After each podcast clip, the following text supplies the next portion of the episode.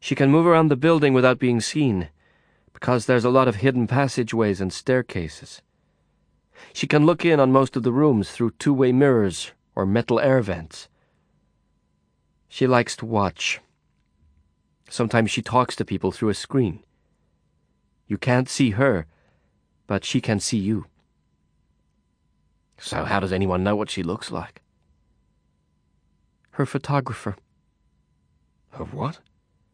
She has photographs taken of herself. A new one every month or so. She gives them out to favored clients. It's pretty weird, I muttered, not really interested in Madame Zhou, but wanting Carla to go on talking. I watched her red pink lips form each word, lips I'd kissed only days before.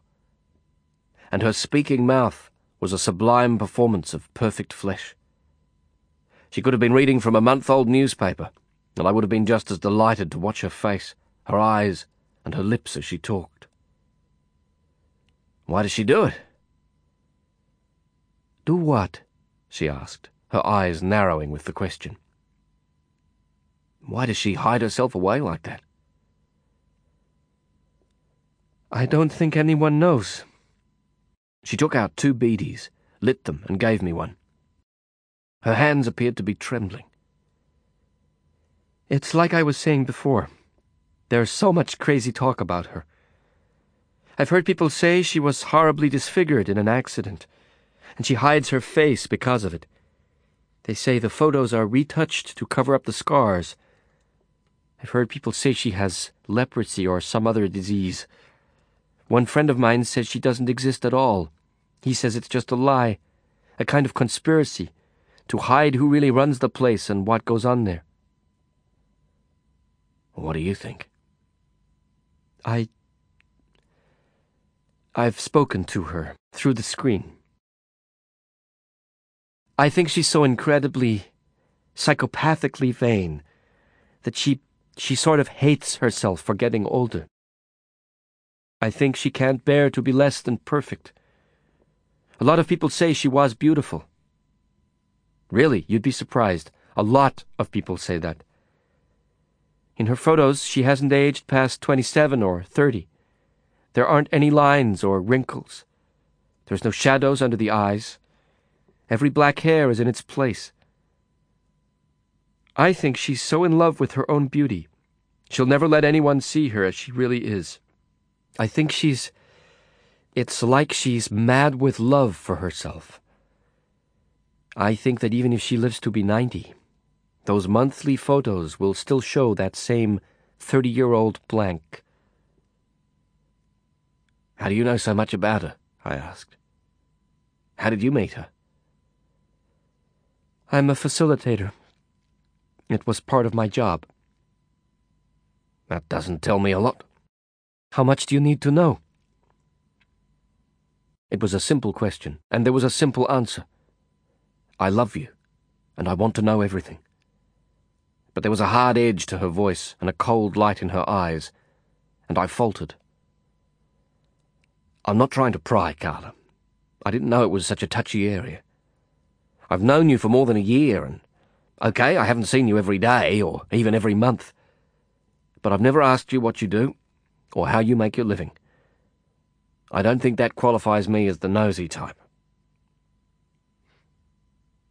I put people together, she said, relaxing a little. And I make sure they're having the right amount of fun to seal a deal. I get paid to keep people in the deal making mood and give them what they want. Some of them, quite a few of them as it happens, want to spend time at Madame Zhou's palace the real question is why people are so crazy about her. She's dangerous. I think she's completely insane. But people would do almost anything to meet her. What do you think? She sighed, exasperated. I can't tell you. It's not just the sex thing. Sure, the prettiest foreign girls in Bombay work for her, and she trains them in some very weird specialties but people would still come to her even if there weren't any gorgeous girls there. I don't get it. I've done what people want, and I've taken them to the palace. A few of them even got to meet her in person, like I did, through the screen. But I've never been able to figure it out. They come out of the palace like they've had an audience with Joan of Arc. They're high on it. But not me. She gives me the creeps, and she always has. You don't like her much, do you? It's worse than that. I hate her, Lin. I hate her, and I wish she was dead. It was my turn to withdraw. I wrapped the silence around myself like a scarf, and stared past her softly sculptured profile to the haphazard beauty of the street. In truth, Madame Zhou's mystery didn't matter to me. I had no interest in her then, beyond the mission Carla had given me. I was in love with the beautiful Swiss woman sitting beside me in the cab, and she was mysterious enough. I wanted to know about her. I wanted to know how she came to live in Bombay, and what her connection was to the weirdness of Madame Zhou, and why she never talked about herself. But no matter how badly I wanted to know, everything, everything about her, I couldn't press it. I had no right to ask for more, because I'd kept all of my secrets from her. I'd lied to her, saying that I came from New Zealand and that I had no family. I hadn't even told her my real name. And because I was in love with her, I felt trapped by those fictions. She'd kissed me, and it was good, honest and good. But I didn't know if the truth in that kiss was the beginning for us or the end. My strongest hope was that the mission would bring us together. I hoped it would be enough to break through both our walls of secrets and lies. I didn't underestimate the task she'd set for me. I knew it might go wrong, and I might have to fight to bring Lisa out of the palace. I was ready. There was a knife in a leather scabbard tucked into the waistband of my trousers under my shirt. It had a long, heavy, sharp blade. I knew that with a good knife I could handle two men. I'd fought men in knife fights before, in prison. A knife, in the hand of a man who knows how to use it, and isn't afraid to drive it into other human bodies, is still, despite its ancient origin, the most effective close order weapon after the gun. Sitting there in the cab, silent and still, I prepared myself for the fight a little movie, a preview of the bloodshed to come, played itself out in my mind. I would have to keep my left hand free to lead or drag Lisa and Carla out of the palace. My right hand would have to force a path through any resistance. I wasn't afraid. I knew that if the fighting started, when the fighting started, I would slash and punch and stab without thinking. The cab had bluffed its way through the strangle of traffic and we picked up speed on the wider streets near a steep overpass. A blessing of fresh wind cooled us, and hair that had been lank and wet with sweat was dry in seconds. Carla fidgeted, tossed her beedie cigarette out of the open window, and rifled through the contents of her patent leather shoulder bag.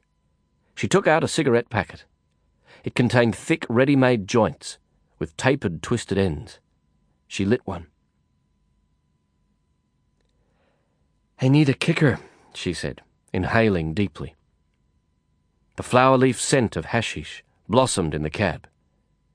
She took a few puffs, then offered the joint to me.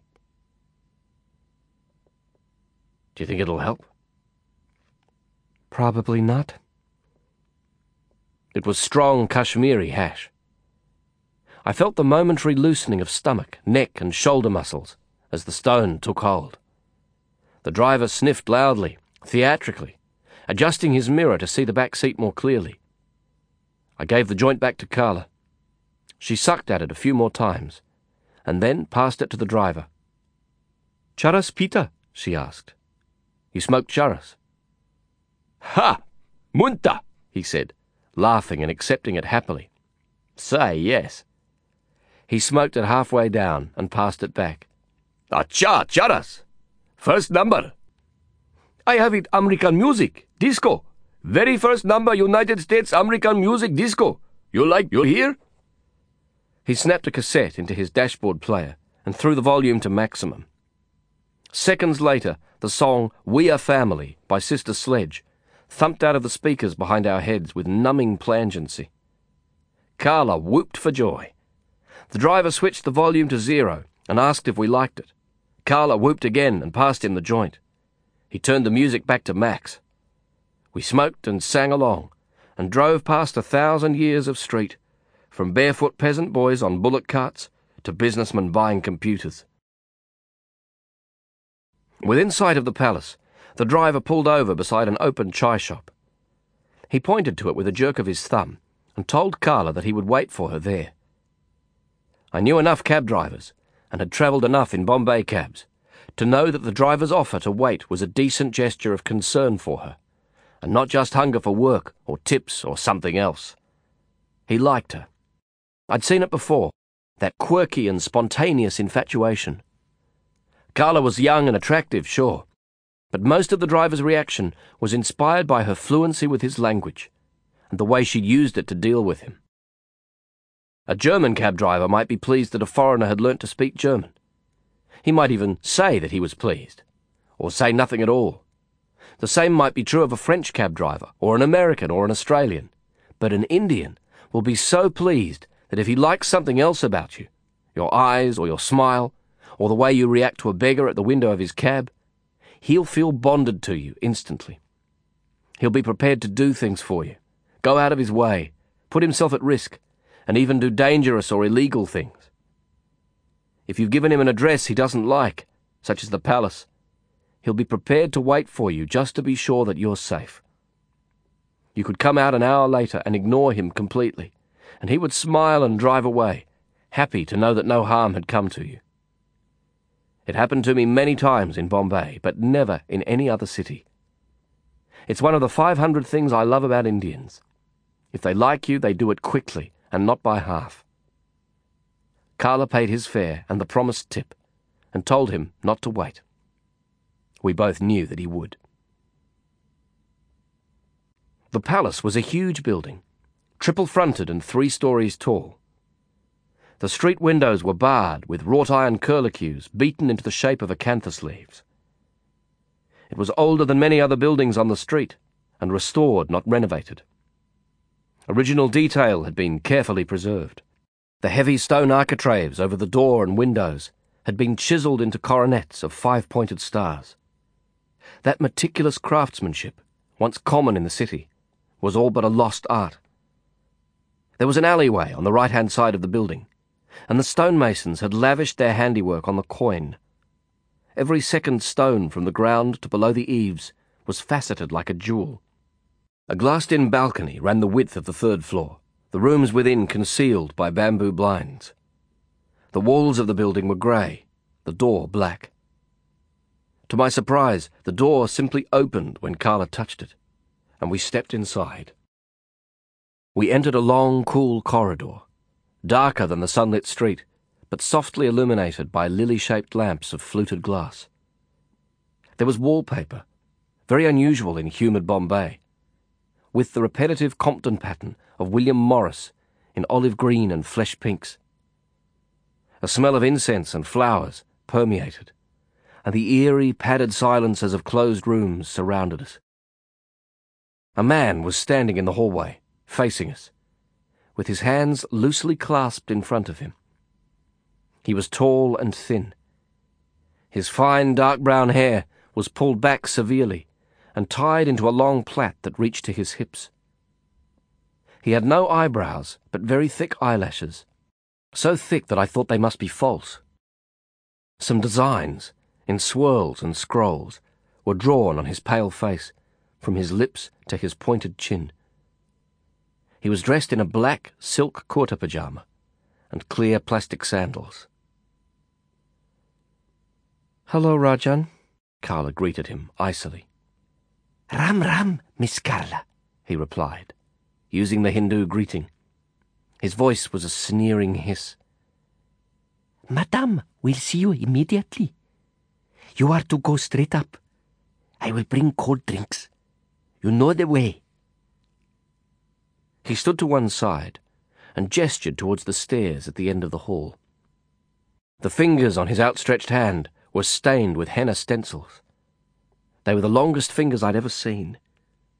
As we walked past him, I saw that the scrolled designs on his lower lip and chin were actually tattoos. Rajan is creepy enough, I muttered, as Carla and I climbed the stairs together. He's one of Madame Zhou's two personal servants. He's a eunuch, a castrato, and a lot creepier than he looks, she whispered enigmatically. We climbed the wide stairs to the second floor, our footsteps swallowed by thick carpet and heavy teakwood newels and handrails. There were framed photographs and paintings on the walls, all of them portraits. As I passed those images, I had the sense that there were other living, breathing people in the closed rooms all around us. But there was no sound. Nothing. It's damn quiet, I said, as we stopped in front of one of the doors. It's siesta time.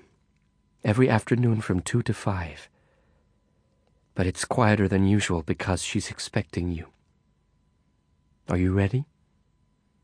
I guess. Yes. Let's do it. She knocked twice, turned the knob, and we entered. There was nothing in the small, square space but the carpet on the floor, lace curtains drawn across the window, and two large flat cushions. Carla took my arm and steered me toward the cushions. The half light of late afternoon glowed through the cream coloured lace. The walls were bare and painted tan brown, and there was a metal grill about a metre square, set into one of them just above the skirting board. We knelt on the cushions in front of the grill as if we'd come to make our confession.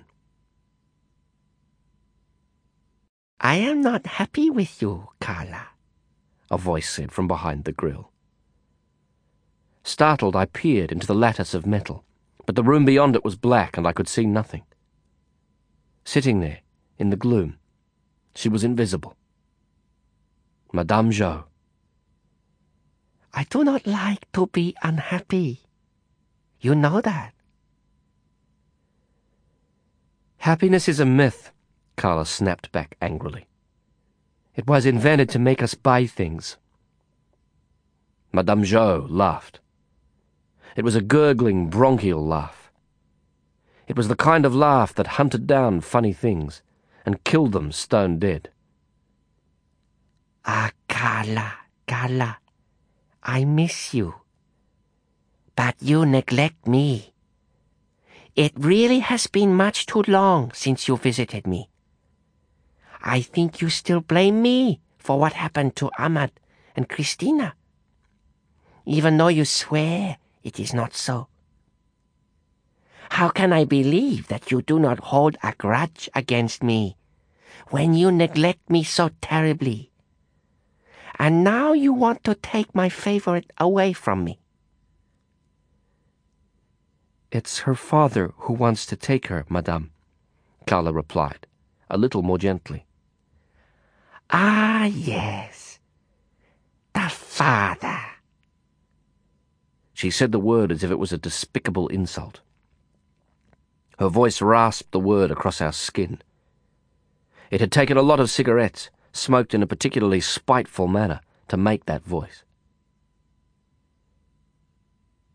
Your drinks, Miss Carla, Rajan said, and I almost jumped. He'd come in behind me without making the slightest sound. He bent low to place a tray on the floor between us, and for a moment I stared into the lambent blackness of his eyes. His face was impassive, but there was no mistaking the emotion in those eyes. It was cold, naked, incomprehensible hatred. I was mesmerized by it bewildered and strangely ashamed. This is your American, Madame Zhou said, breaking the spell. Yes, madame. His name is Parker. Gilbert Parker. He is attached to the embassy, but this is not an official visit, of course. Of course. Give Rajan your card, Mr. Parker. It was a command. I took one of the cards from my pocket and handed it to Rajan. He held it at the edges, as if he was afraid of contamination, and backed out of the room, closing the door behind him. Carla did not tell me when she telephoned, Mr. Parker. Have you been in Bombay very long? Madame Zhou asked me, switching to Hindi. Not so long, Madame. You speak Hindi quite well. My compliments. Hindi is a beautiful language, I replied, using one of the stock phrases that Prabaker had taught me to recite. It is a language of music and poetry. It is also a language of love and money, she chuckled greedily. Are you in love, Mr. Parker? I'd thought hard about what she might ask me, but I hadn't anticipated that question and just at that moment, there was probably no other subject that could have unsettled me more. I looked at Carla, but she was staring down at her hands, and she gave me no clue. I didn't know what Madame Zhou meant by the question. She hadn't asked me if I was married or single, engaged or involved. In love, I mumbled, the words sounding like an incantation in Hindi. Yes, yes romantic love. Your heart lost in the dream of a woman's face. Your soul lost in the dream of her body. Love, Mr. Parker. Are you in it? Yes, yes, I am. I don't know why I said it. The impression that I was making an act of confession, there on my knees before the metal grate, was even more pronounced. How very sad for you, my dear Mr. Parker. You are in love with Carla, of course. That's how she got you to do this little job of work for her. I assure you. No, Mr. Parker, I assure you. Oh, it may be true that my Lisa's father is pining for his daughter, and that he has the power to pull some strings. But it was Carla who talked you into this. Of that I'm quite sure. I know my dear Carla, and I know her ways. Don't think for a moment that she will ever love you in return, or keep any of her promises to you, or that anything but sorrow will come of the love you feel. She will never love you. I tell you this out of friendship, Mr. Parker. This is a little gift for you. With respect, I said through clenched teeth. We're here to talk about Lisa Carter. Of course. If I let my Lisa go with you, where will she live? I. I'm not sure. You're not sure? No, I. She will live at. Carla began. Shut up, Carla! Madame Zhou snapped. I asked Parker. I don't know where she will live, I answered as firmly as I could. I think that's up to her. There was a lengthy pause. It was becoming an effort of concentration to listen and speak in Hindi. I felt lost, in over my head. It was going badly. She'd asked me three questions, and I'd stumbled badly on two of them. Carla was my guide in that strange world, but she seemed as confused and wrong-footed as I was. Madame Zhou had told her to shut up, and she'd swallowed it with a meekness I'd never seen or even imagined in her. I took a glass and drank some of the nimbu pani. The iced lime juice was spiced with something hot to the taste, like chili powder. There was a shadowy movement and whisper in the darkness of the room behind the metal grate. I wondered if Rajan was in there with her. I couldn't make out the shape. She spoke. You can take Lisa with you, Mr. Parker in love. But if she decides to come back here to me, I will not give her up. Do you understand me? She will stay here if she comes back, and I will be unhappy if you trouble me about it again. You are, of course, free to enjoy our many delights whenever you wish as my guest. I would like to see you relax. Perhaps when Carla is finished with you, you will remember my invitation. In the meantime, remember, Lisa is mine if she returns to me. That matter is finished between us today, here and now. Yes, yes, I understand. Thank you, madame. The relief was enormous. I felt sapped with it. We'd won.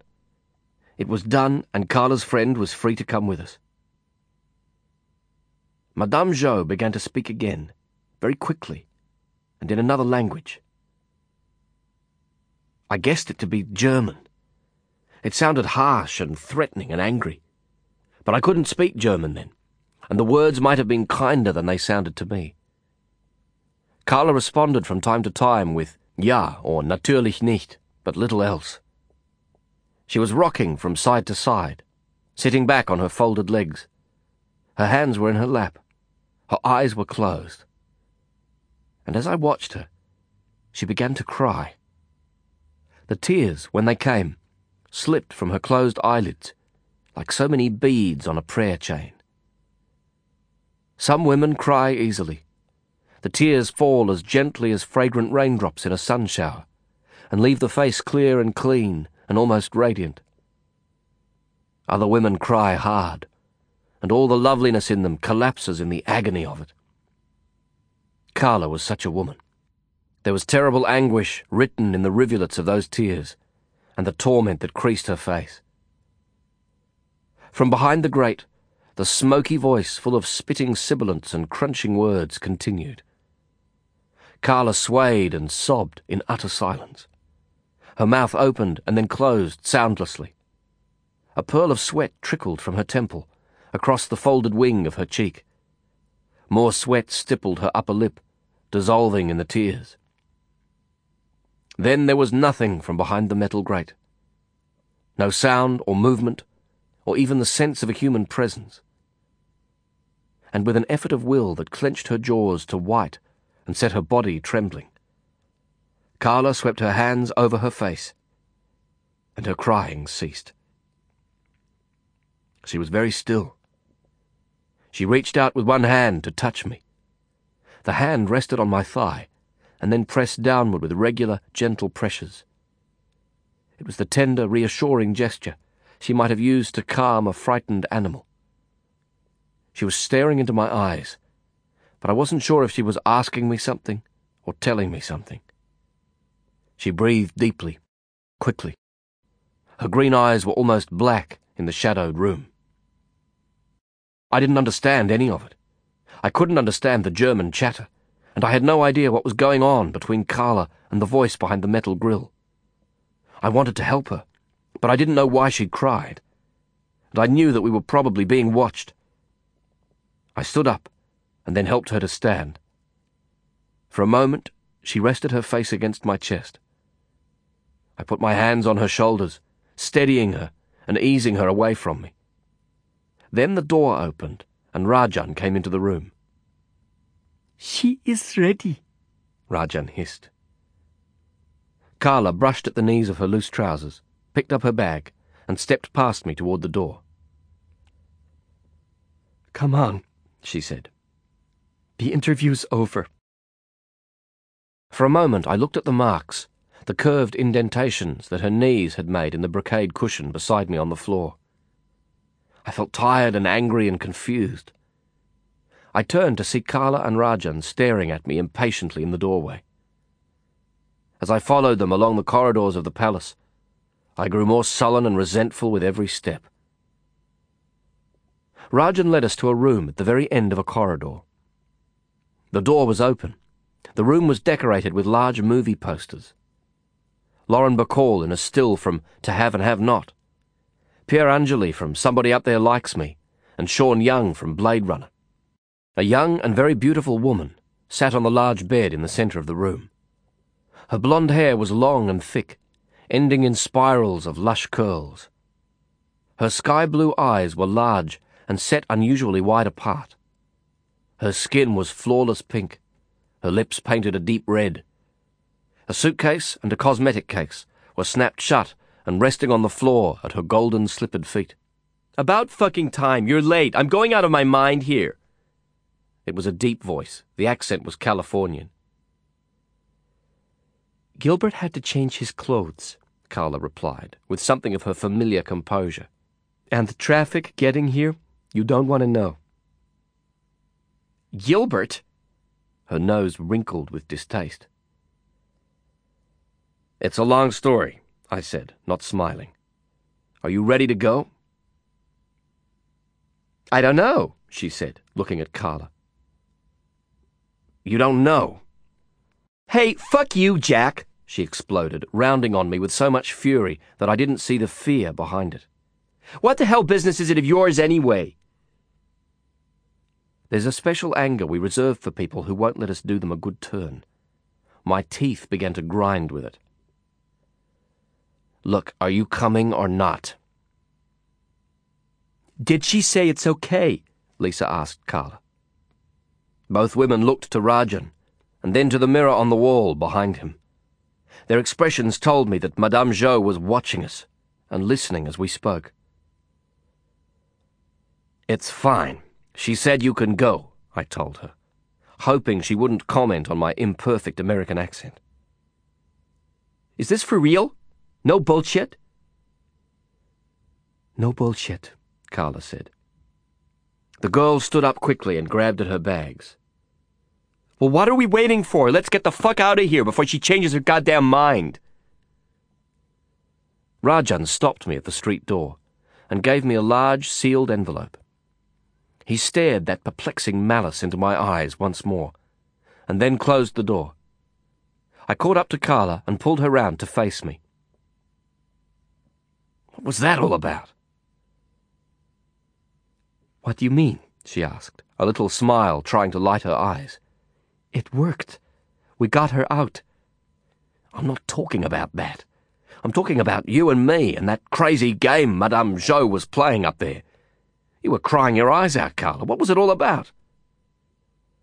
She glanced at Lisa, who stood close by, impatient and shielding her eyes, even though the late afternoon light wasn't bright. She looked at me again, her green eyes puzzled and tired. Do we have to talk about this now, in public?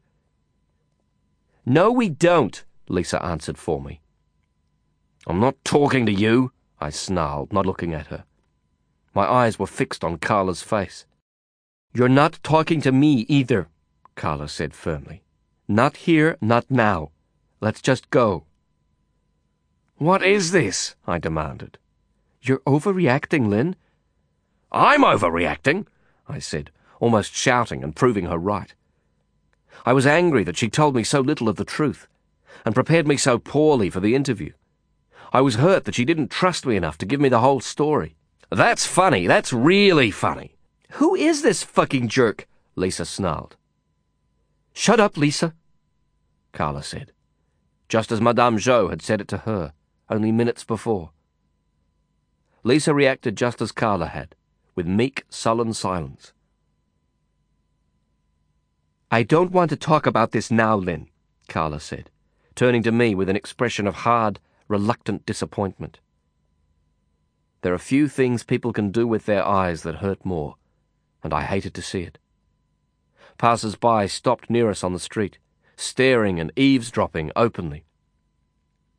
Look, I know there's a lot more going on here than getting Lisa out of the palace. What happened up there? How did she... You know, how did she know about us? I'm supposed to be some guy from the embassy, and she starts talking about being in love with you. I don't get it. And who the hell are Ahmed and Christina? What happened to them? What was she talking about? One minute you're indestructible, and then the next minute you're breaking down while Madame Nutcase is babbling away in German or whatever. It was Swiss German, actually, she snapped. a flash of spite in the gleam of her clenched teeth. Swiss Chinese, so what? I just want to know what's going on. I want to help you. I want to know, well, where I stand. A few more people stopped to join the idlers. One group of three young men stood very close, leaning on one another's shoulders and gawking with aggressive curiosity. The taxi driver who'd brought us there was standing beside his cab, five metres away. He twirled his handkerchief to fan himself, watching us, smiling. He was much taller than I'd thought him to be. Tall and thin, and dressed in a tightly fitting white shirt and trousers. Carla glanced over her shoulder at him. He wiped at his moustache with the red handkerchief, and then tied it as a scarf around his neck. He smiled at her. His strong white teeth were gleaming. Where you're standing is right here, on the street outside the palace, Carla said. She was angry and sad and strong, stronger than I was at that moment. I almost hated her for it. Where I'm sitting is in that cab. Where I'm going is none of your damn business. She walked away. Where the hell did you get that guy? I heard Lisa say as they approached the cab. The taxi driver greeted them, waggling his head happily. When they drove past me, there was music playing, Freeway of Love, and they were laughing. For one explosive moment of writhing fantasy, I saw them all together, naked, the taxi driver and Lisa and Carla. It was improbable and ridiculous, and I knew it. But the squirm was in my mind, and a white hot thump of rage went pulsing along the thread of time and fate that connected me to Carla. Then I remembered that I'd left my boots and clothes at her apartment. Hey! I called after the retreating cab. My clothes! Carla! Mr. Lin. There was a man standing beside me. His face was familiar, but I couldn't place it immediately. What? Abdelkader wants you, Mr. Lin. The mention of Kader's name jolted my memory. It was Nazir, Kader Bai's driver. The white car was parked nearby. How. how did you. What are you doing here? He say you come now. I am driving. He gestured toward the car and took two little steps to encourage me. I don't think so, Nazir. It's been a long day. You can tell Kader Bai that. He say you come now, Nazir said grimly. He wasn't smiling, and I had the feeling that I would have to fight him if I wanted to avoid getting into the car. I was so angry and confused and tired just then that I actually considered it for a moment. It might cost less energy in the long run to fight with him, I thought, than to go with him. But Nazir screwed his face into agonized concentration and spoke with unaccustomed courtesy. Kaderbai told it. You come, please. Like that, Kaderbai told it. Please come see me, Mr. Lin. The word please didn't sit well with him. It was clear that, in his view, Lord Abdel Kader Khan gave orders that others quickly and gratefully obeyed but he'd been told to request my company rather than command it, and the English words he'd just spoken with such visible effort had been carefully memorized. I pictured him driving across the city and repeating the incantation of the foreign words to himself, as uncomfortable and unhappy with them as if they were fragments of prayer from another man's religion. Alien to him or not, the words had their effect on me, and he looked relieved when I smiled a surrender. Okay, Nazir. Okay, I sighed. We'll go to see Kaderbai. He began to open the back door of the car, but I insisted on sitting in the front. As soon as we pulled away from the curb, he switched on the radio and turned the volume to high, perhaps to prevent conversation. The envelope that Rajan had given me was still in my hands, and I turned it over to examine both sides. It was handmade paper, pink, and about the size of a magazine cover. There was nothing written on the outside. I tore the corner and opened it to find a black and white photograph. It was an interior shot of a room, half lit, and filled with expensive ornaments from a variety of ages and cultures. In the midst of that self conscious clutter, a woman sat on a throne like chair. She was dressed in an evening gown of extravagant length that spilled to the floor and concealed her feet.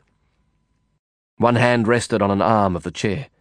The other was poised in a regal wave or an elegant gesture of dismissal.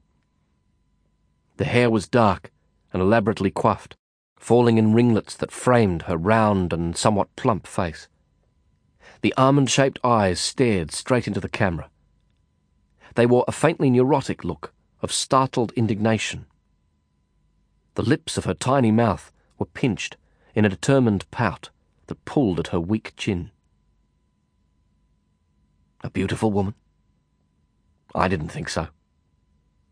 And a range of less than lovely impressions stared from that face haughty, spiteful, frightened, spoiled, self obsessed. The photograph said she was all of those things and more, and worse. But there was something else on the photograph, something more repugnant and chilling than the unlovely face. It was the message she'd chosen to stamp in red block letters across the bottom. It said, Madame Zhou is happy now. Chapter 14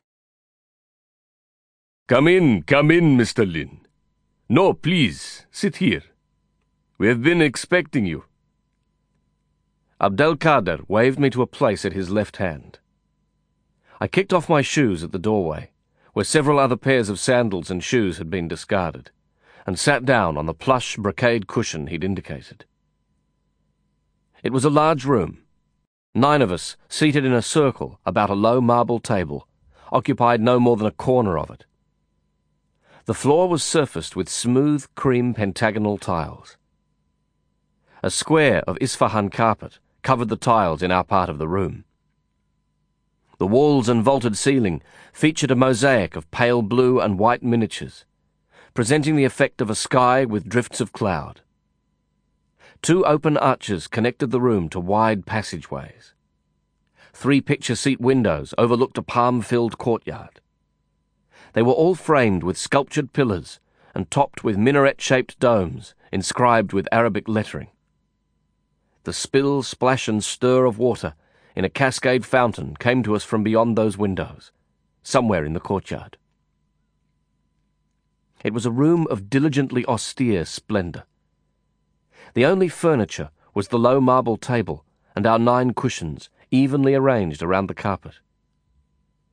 The only decoration was a framed black and gold leaf depiction of the Kaaba at Mecca.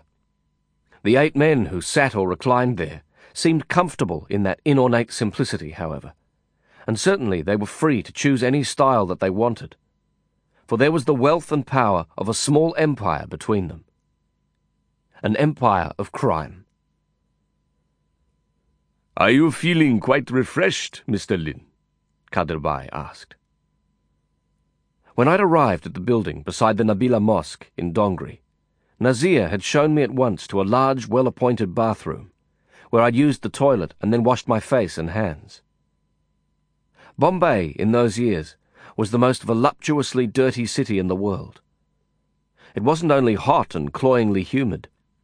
In the eight rainless months of the year, it was constantly aswirl with grimy dust clouds that settled on and smeared every exposed surface with a catholic variety of filths. If I wiped my face with a handkerchief after only half an hour's walk along any street, the cloth was streaked with black. Thank you, yes. I felt tired when I arrived, but now I'm revived by a combination of politeness and plumbing. I was speaking in Hindi and it was a struggle to carry the humour, sense, and good intentions in the small phrase. We can't really know what a pleasure it is to run in our own language until we're forced to stumble in someone else's. It was a great relief when Kader spoke in English. Please speak English, Mr. Lin. I am very happy that you are learning our languages, but today we would like to practice yours. Each of us here can speak and read and write English to some extent. In my own case, I have been educated in English, as well as in Hindi and Urdu. In fact, I often find myself thinking first in English before other languages. My dear friend, Abdul, sitting near you, would call English his first language, I think. And all of us, no matter what our level of learning, are enthusiastic about the study of English. It is a critical thing for us. One of the reasons why I asked you to come here this evening was so that we might enjoy the speaking of English with you, a native of the language. This is our monthly discussion night, you see, and our little group talks about. But wait, let me first introduce you. He reached over to lay an affectionate hand on the bulky forearm of the heavy-set, elderly man who sat on his right. He was dressed in the green pantaloons and long tunic of Afghan traditional dress. This is Shoban Mahmud. Let us use first names after our introductions, Lin, for we are all friends here, yes? Shoban waggled his grizzled grey head at me in greeting fixing me with a look of steely inquiry, perhaps to make sure that I understood the honour implied in the use of first names. The very ample and smiling gentleman next to him is my old friend from Peshawar, Abdul Ghani. Next to him is Khaled Ansari, originally from Palestine. Rajubai, next to him, is from the holy city of Varanasi. Have you seen it? No. Well, you must make the time to do so before too long. Rajubai, a bald, thick-set man with a neat grey moustache, smiled in response to Kaderbai's introduction, and turned to me with his hands joined together in a silent greeting. His eyes, above the gentle steeple of his fingers, were hard and wary. Next to our dear Raju, Kaderbai continued, is Keki Dorabji, who came to Bombay from Zanzibar with other Indian Parsis twenty years ago when they were driven from the island by the nationalist movement. Dorabji, a very tall, thin man in his middle fifties, turned his dark eyes on me. His expression seemed fixed in such distressing melancholy that I felt compelled to offer him a small, comforting smile in return. Next to our brother Keki, is Farid. He is the youngest of our group, the only one of us who is a native Maharashtrian, by virtue of being born in Bombay, although his family came here from Gujarat.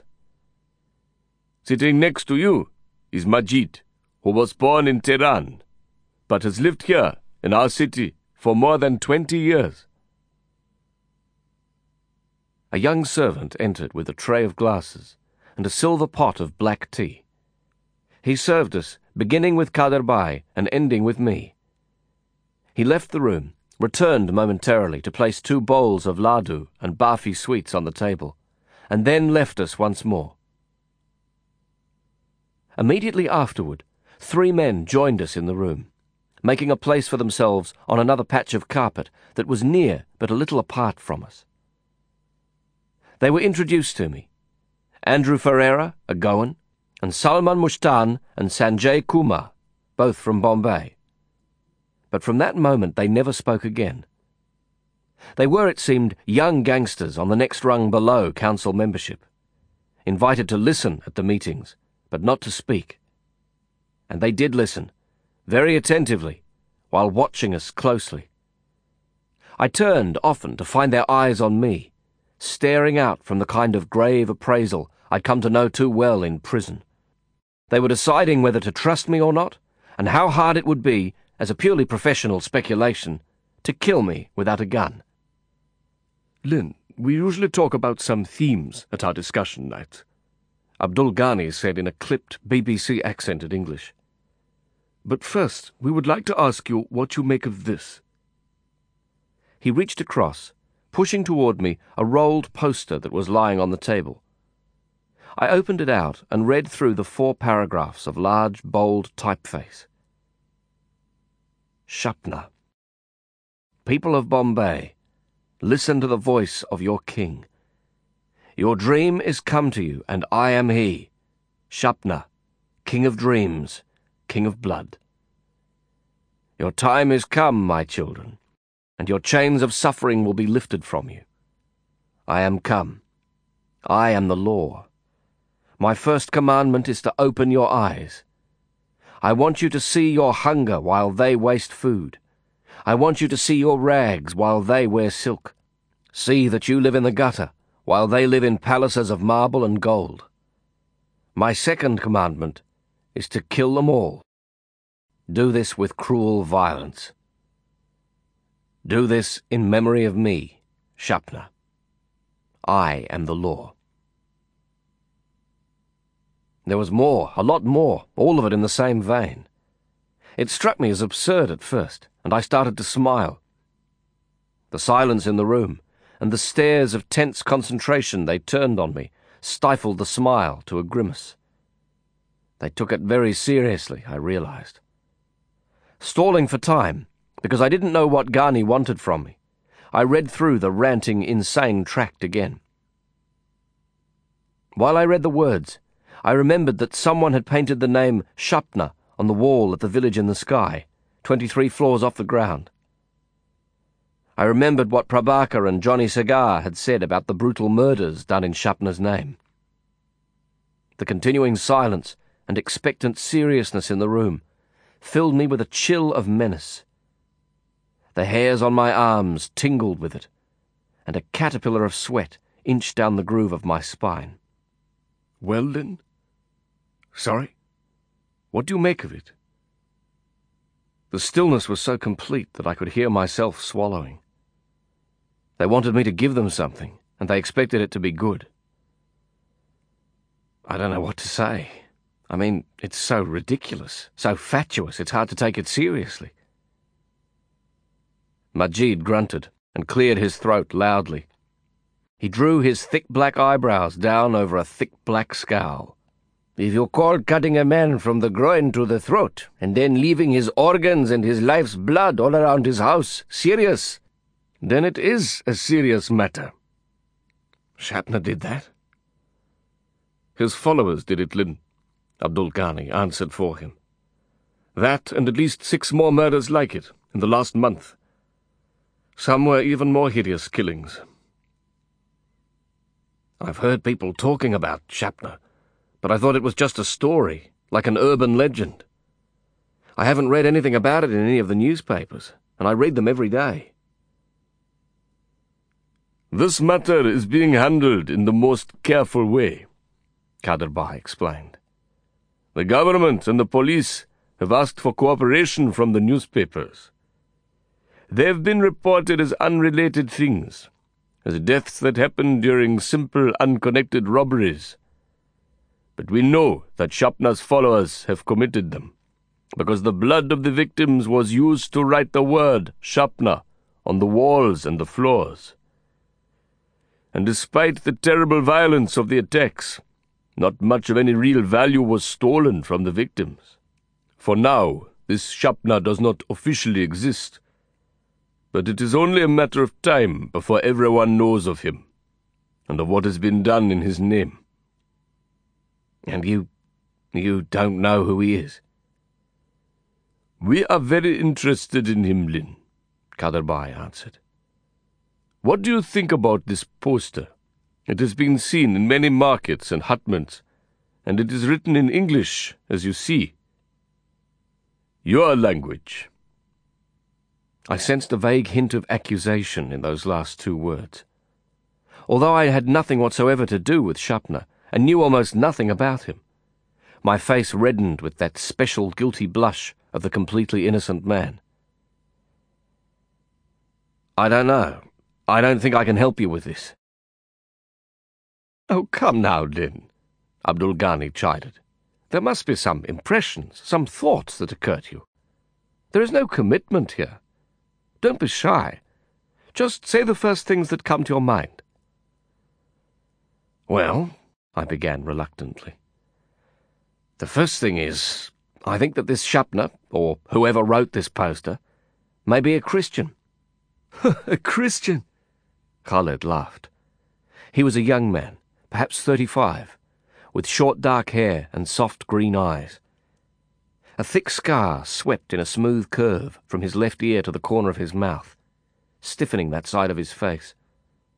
His dark hair was streaked with premature white and grey. It was an intelligent, sensitive face, more scarred by its anger and hatreds than it was by the knife wound on his cheek. They're supposed to love their enemies, not disembowel them.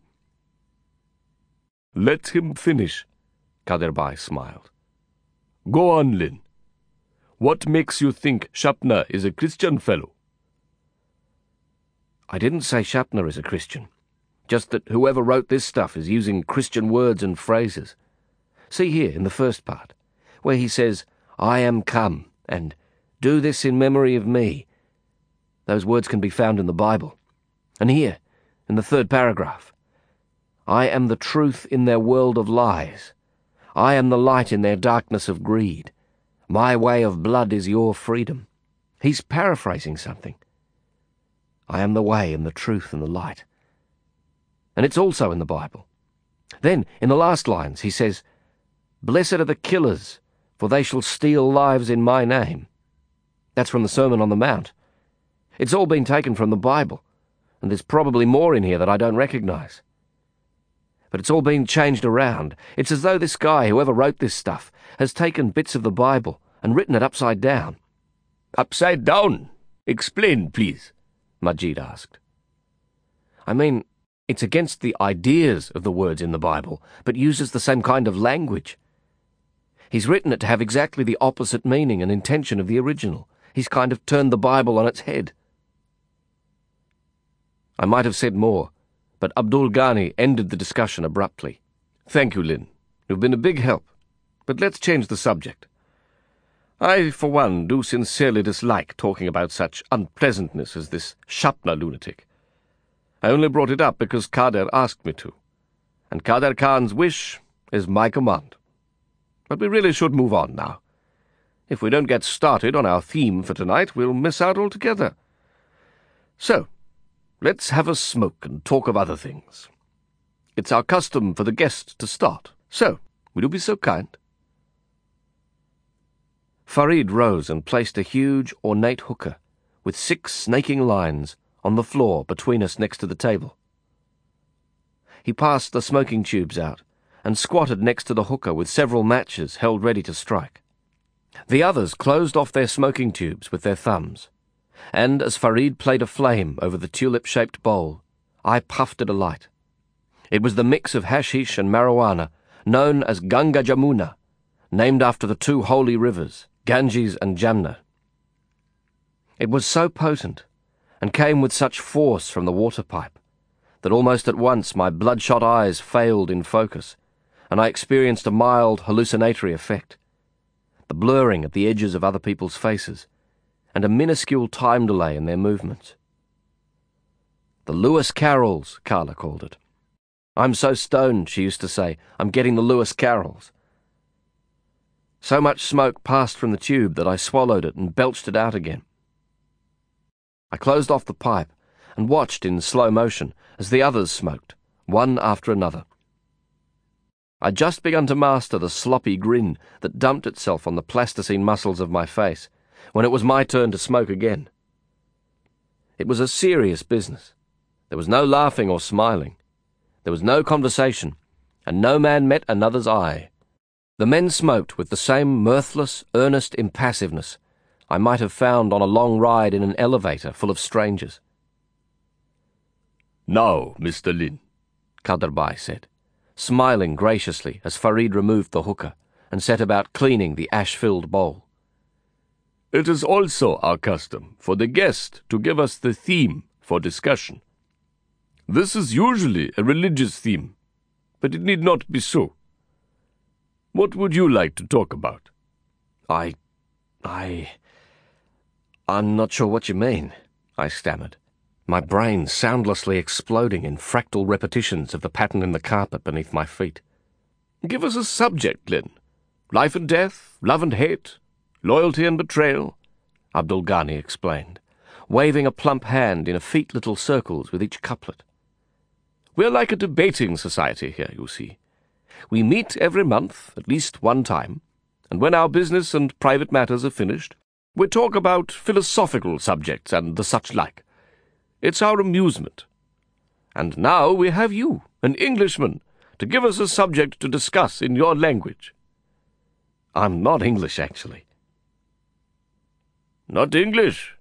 Then what are you? Majid demanded to know. Deep suspicions were planted in the furrows of his frown. It was a good question.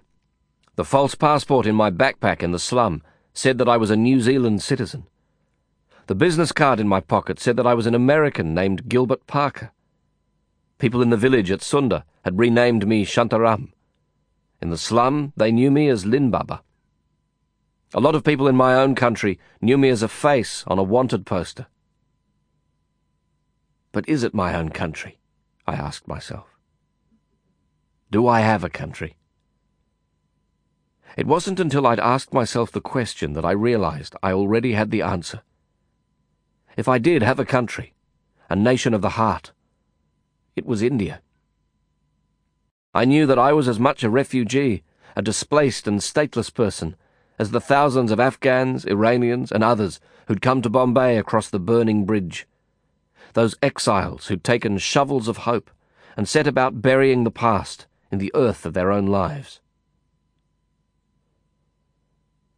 I'm an Australian, I said, admitting it for the first time since I'd arrived in India, and obeying an instinct that warned me to tell Kader Bhai the truth. Strangely, I felt it to be more of a lie than any alias I'd ever used. How very interesting, Abdul Ghani remarked, lifting one eyebrow in a sage nod to Kader Bhai. And what will you have as a subject, Lin? Any subject? I asked, stalling for time. Yes, your choice. Last week we discussed patriotism, the obligations of a man to God and what he owes to the state. A most engaging theme. What will you have us discuss this week? Well, there's a line in that poster of Shapna's.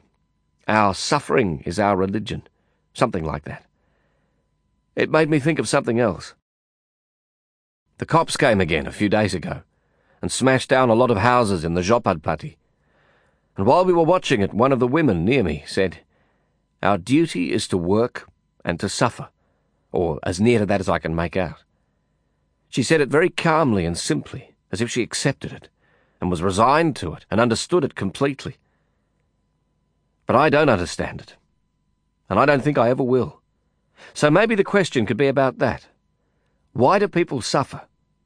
Why do bad people suffer so little? And why do good people suffer so much? I mean, I'm not talking about me. All the suffering I've gone through, I've brought most of it on myself. And God knows I've caused a lot of it to other people. But I still don't understand it. Especially not the suffering that the people in the slum go through. So, suffering. We could talk about that. Do you think? I trailed off a little lamely into the silence that greeted my suggestion. But moments later, I was rewarded with a warmly approving smile from Kader. It is a good theme, Lin. I knew that you would not disappoint us. Majid Bhai, I will call on you to start us on this talk. Majid cleared his throat and turned a gruff smile on his host.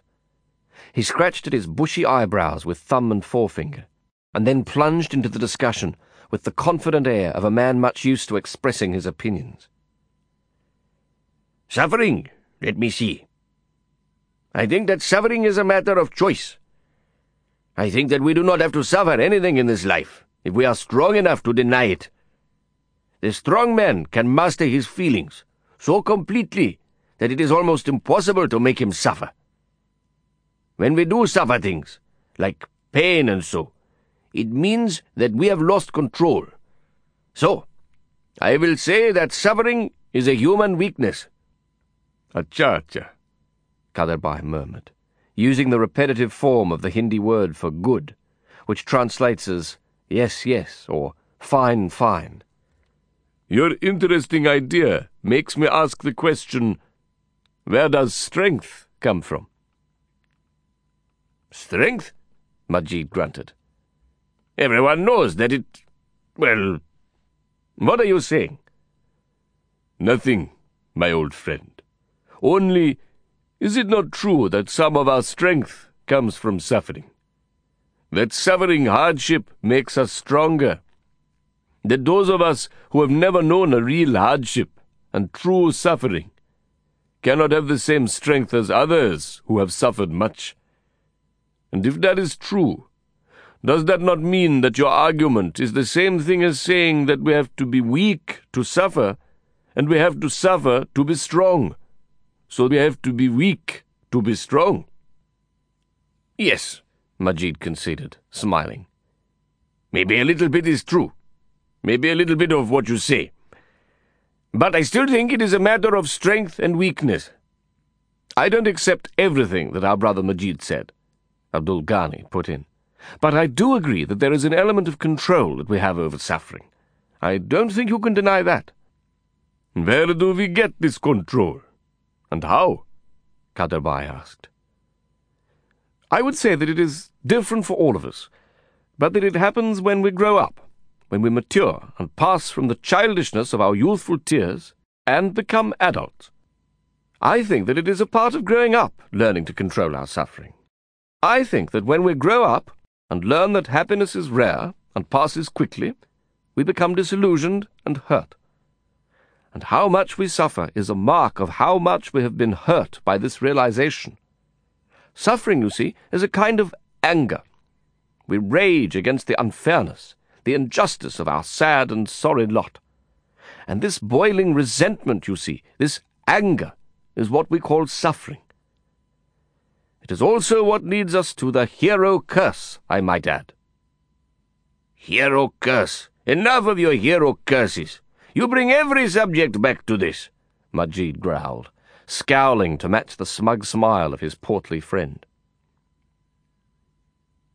Abdul has a pet theory, Lin, said Khaled, the Dua Palestinian. He believes that certain men are cursed with qualities, such as great courage, that makes them commit desperate acts. He calls it the hero curse, the thing that compels them to lead other men to bloodshed and chaos. He might be right, I think, but he goes on about it so much he drives us all crazy. Leaving that aside, Abdul, Kaderbai persisted, let me ask you one question about what you have said. Is there a difference, would you say, between suffering that we experience and suffering that we cause for others? Of course, yes. What are you getting at, Kader? Just that if there are at least two kinds of suffering, quite different to each other, one that we feel and one that we cause others to feel, they can hardly both be the anger that you spoke of, isn't it so? Which one is which, would you say? Why, Abdul Ghani laughed. You've got me there, Kader, you old fox. You always know when I'm just making an argument for the sake of it, now. And just when I thought I was being bloody clever, too. But don't worry, I'll think it around and come back at you again. He snatched a chunk of sweet barfi from the plate on the table, bit a piece of it, and munched happily. He gestured to the man on his right, thrusting the sweet in his pudgy fingers. What about you, Khaled? What have you to say about Lin's topic? I know that suffering is the truth, Khaled said quietly. His teeth were clenched. I know that suffering is the sharp end of the whip, and not suffering is the blunt end, the end that the master holds in his hand. Khaled, dear fellow, Abdul Ghani complained. You are more than ten years my junior, and I think of you as dearly as I would of my own younger brother. But I must tell you that this is a most depressing thought, and you're disturbing the good pleasure we've gained from this excellent chalice. If you'd been born and raised in Palestine, you'd know that some people are born to suffer. And it never stops for them. Not for a second. You'd know where real suffering comes from. It's the same place where love and freedom and pride are born. And it's the same place where those feelings and ideals die. That suffering never stops. We only pretend it does. We only tell ourselves it does. To make the kids stop whimpering in their sleep. He stared down at his strong hands, glowering at them as if at two despised and defeated enemies who were pleading for his mercy. A gloomy silence began to thicken in the air around us, and instinctively we looked to Kaderbai. He sat cross-legged, stiff-backed, rocking slowly in his place, and seeming to spool out a precise measure of respectful reflection. At last he nodded to Farid, inviting him to speak. I think that our brother Khaled is right in a way, Farid began quietly, almost shyly. He turned his large, dark brown eyes on Kaderbai. Encouraged by the older man's nod of interest, he continued. I think that happiness is a really thing, a truly thing, but it is what makes us crazy people. Happiness is a so strange and power thing that it makes us to be sick like a germ sort of thing. And suffering is what cures us of it. The too much happiness. The, how do you say it? Barivazan. The burden. Kaderbai translated for him. Farid spoke a phrase rapidly in Hindi, and Kader gave it to us in such an elegantly poetic English that I realized, through the haze of the stone, how much better his English was than he led me to believe at our first meeting. The burden of happiness can only be relieved by the balm of suffering. Yes, yes, that is it what I want to say. Without the suffering, the happiness would squash us down. This is a very interesting thought, Farid, Kaderbai said, and the young Maharashtrian glowed with pleasure in the praise. I felt a tiny twitch of jealousy. The sense of well-being bestowed by Kaderbai's benignant smile was as intoxicating as the heady mixture we'd smoked in the hookah pipe. The urge to be a son to Abdel Kader Khan, to earn the blessing of his praise, was overwhelming. The hollow space in my heart, where a father's love might have been, should have been, wrapped itself around the contours of his form and took the features of his face. The high cheekbones and closely cropped silver beard, the sensual lips and deep-set amber eyes became the perfect father's face. I look back on that time now, at my readiness to serve him as a son might serve a father at my willingness to love him, in fact, and at how quickly and unquestioningly it happened in my life. And I wonder how much of it came from the great power that he wielded in the city. His city. I'd never felt so safe, anywhere in the world, as I did in his company. And I did hope that in the river of his life I might wash away the scent and shake off the hounds I've asked myself a thousand times through the years if I would have loved him so swiftly and so well if he'd been powerless and poor. Sitting there, then, in that domed room, feeling the twinge of jealousy when he smiled at Farid and praised him, I knew that although Kaderbai had spoken of adopting me as his son on our first meeting, it was really I who'd adopted him. And while the discussion continued around me, I spoke the words quite clearly, in the secret voice of prayer and incantation. Father, Father, my Father. You do not share our joy at the speaking of English, Soban, uncle, Kaderbai said, addressing the tough, grizzled older man on his right. So, please, permit me to answer for you. You will say, I know, that the Koran tells us how our sin and wrongdoing is the cause of our suffering. Isn't it so? Soban Mahmud wagged his head in assent. his gleaming eyes nesting under a tufted ledge of grey eyebrows. He seemed amused by Kaderbai's guess at his position on the theme. You will say that living by right principles, according to the teachings of the Holy Koran, will banish suffering from the life of a good Muslim and lead him to the eternal bliss of heaven when life is at an end. Now, we all know what Soban uncle thinks, Abdul Ghani cut in impatiently. None of us will disagree with your arguments, Uncle G, but you must permit me to say that you are inclined to be a little extreme, na? I well remember the time when you beat young Mahmud with a rod of bamboo because he cried when his mother died. It is, of course, true that we should not question the will of Allah. But a touch of sympathy in these matters is only human, isn't it? But be that as it may, what I am interested in is your opinion, Kader. Please tell us, what do you think about suffering? No one spoke or moved. There was a perceptible sharpening of focus and attention in the few silent moments as Kader gathered his thoughts. Each man had his own opinion and level of articulacy. Yet I had the clear impression that Kader contribution was usually the last word. I sensed that his response would set the tone, perhaps even becoming the answer those men would give if the question about suffering were asked again. His expression was impassive and his eyes were modestly cast down. But he was far too intelligent not to perceive the awe he inspired in others. I thought that he was far too human as well not to be flattered by it. When I came to know him better, I discovered that he was always avidly interested in what others thought of him, always acutely aware of his own charisma and its effect on those around him, and that every word he spoke, to everyone but God, was a performance. He was a man with the ambition to change the world forever.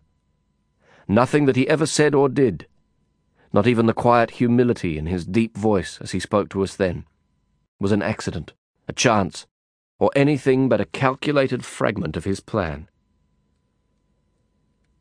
In the first place, I would like to make a general comment, and then I would like to follow it with a more detailed answer. Do you all allow me this? Good. Then to the general comment.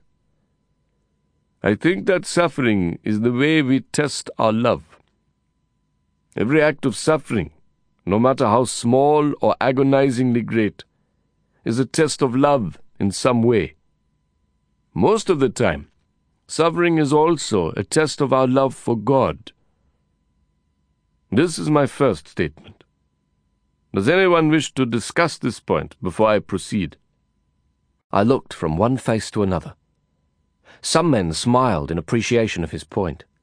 Some nodded their agreement. And some others frowned in concentration. All of them seemed eager for Kaderbai to continue. Very well. I will move on to my more detailed answer. The Holy Koran tells us that all things in the universe are related one to another, and that even opposites are united in some way.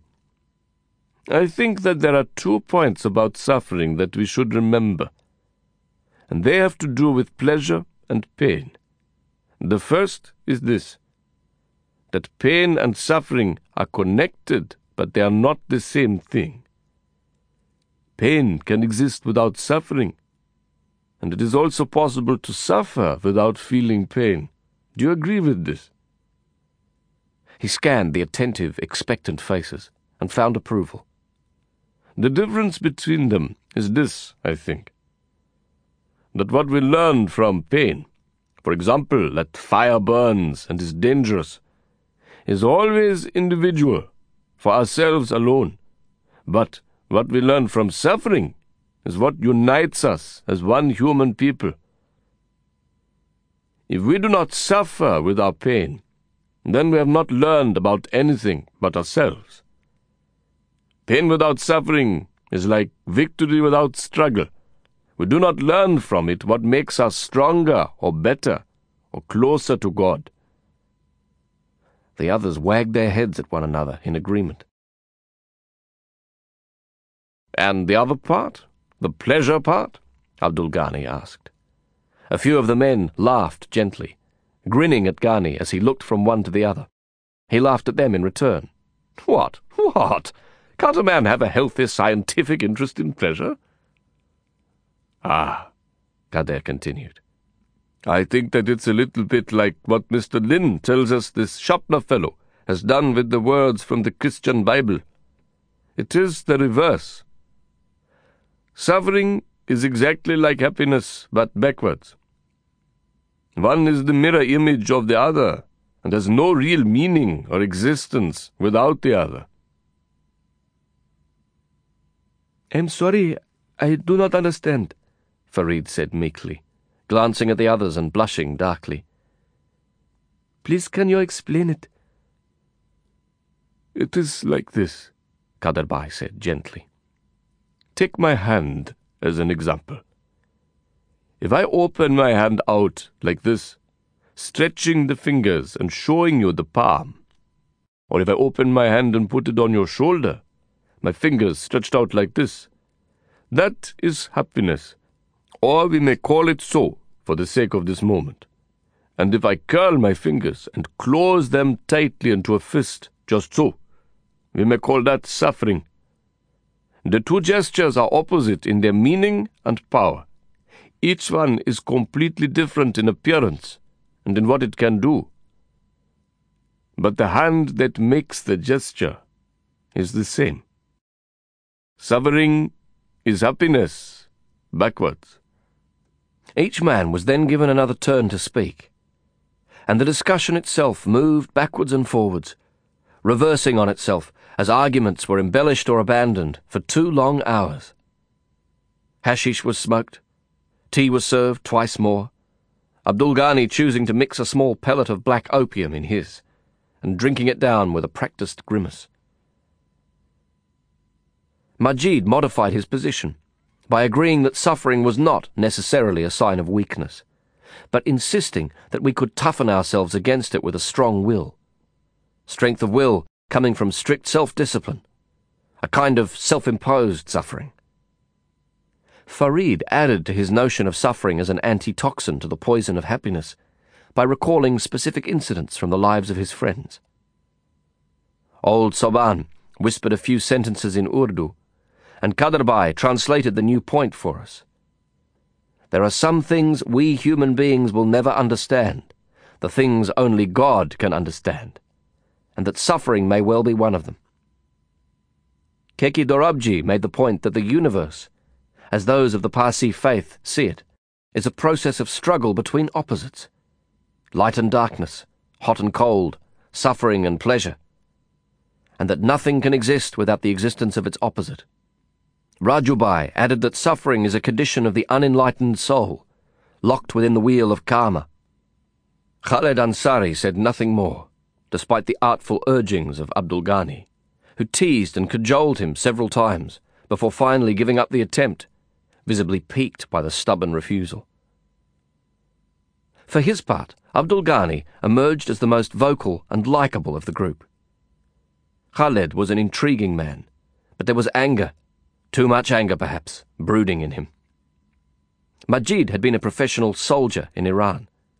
He seemed brave and direct, yet given to a simplistic view of the world and its people. Soban Mahmud was undoubtedly pious, but there was a vaguely antiseptic scent of inflexibility about him.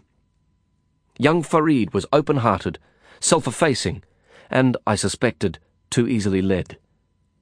Keki was dour and unresponsive, and Rajubai seemed to be suspicious of me, almost to the point of rudeness. Of all of them, only Abdul Ghani displayed any sense of humour, and only he laughed aloud. He was as familiar with younger men as he was with those senior to him. He sprawled in his place where others sat.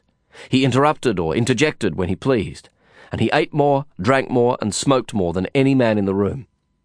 He was especially irreverently affectionate with Kaderbai, and it was certain that they were close friends. Kaderbai asked questions, probed, made comments upon what was said, but never added another word to his own position. I was silent, drifting, tired, and grateful that no one pressured me to speak. When Kaderbai finally adjourned the meeting, he walked with me to the door that opened into the street beside the Nabila Mosque and stopped me there with a gentle hand on my forearm. He said he was glad I'd come and that he hoped I'd enjoyed myself. Then he asked me to return on the following day because there was a favour I could do for him, if I was willing. Surprised and flattered, I agreed at once, promising to meet him at the same place on the following morning. I stepped out into the night and almost put it out of my mind. On the long walk home, my thoughts browsed among the ideas I'd heard presented by that scholarly group of criminals. I recalled other similar discussions I'd shared with men in prison. Despite their general lack of formal education, or perhaps because of it, many men I'd known in prison had a fervent interest in the world of ideas. They didn't call it philosophy, or even know it as such, but the stuff of their conversations was often just that abstract questions of moral and ethic, meaning and purpose. It had been a long day, and an even longer night.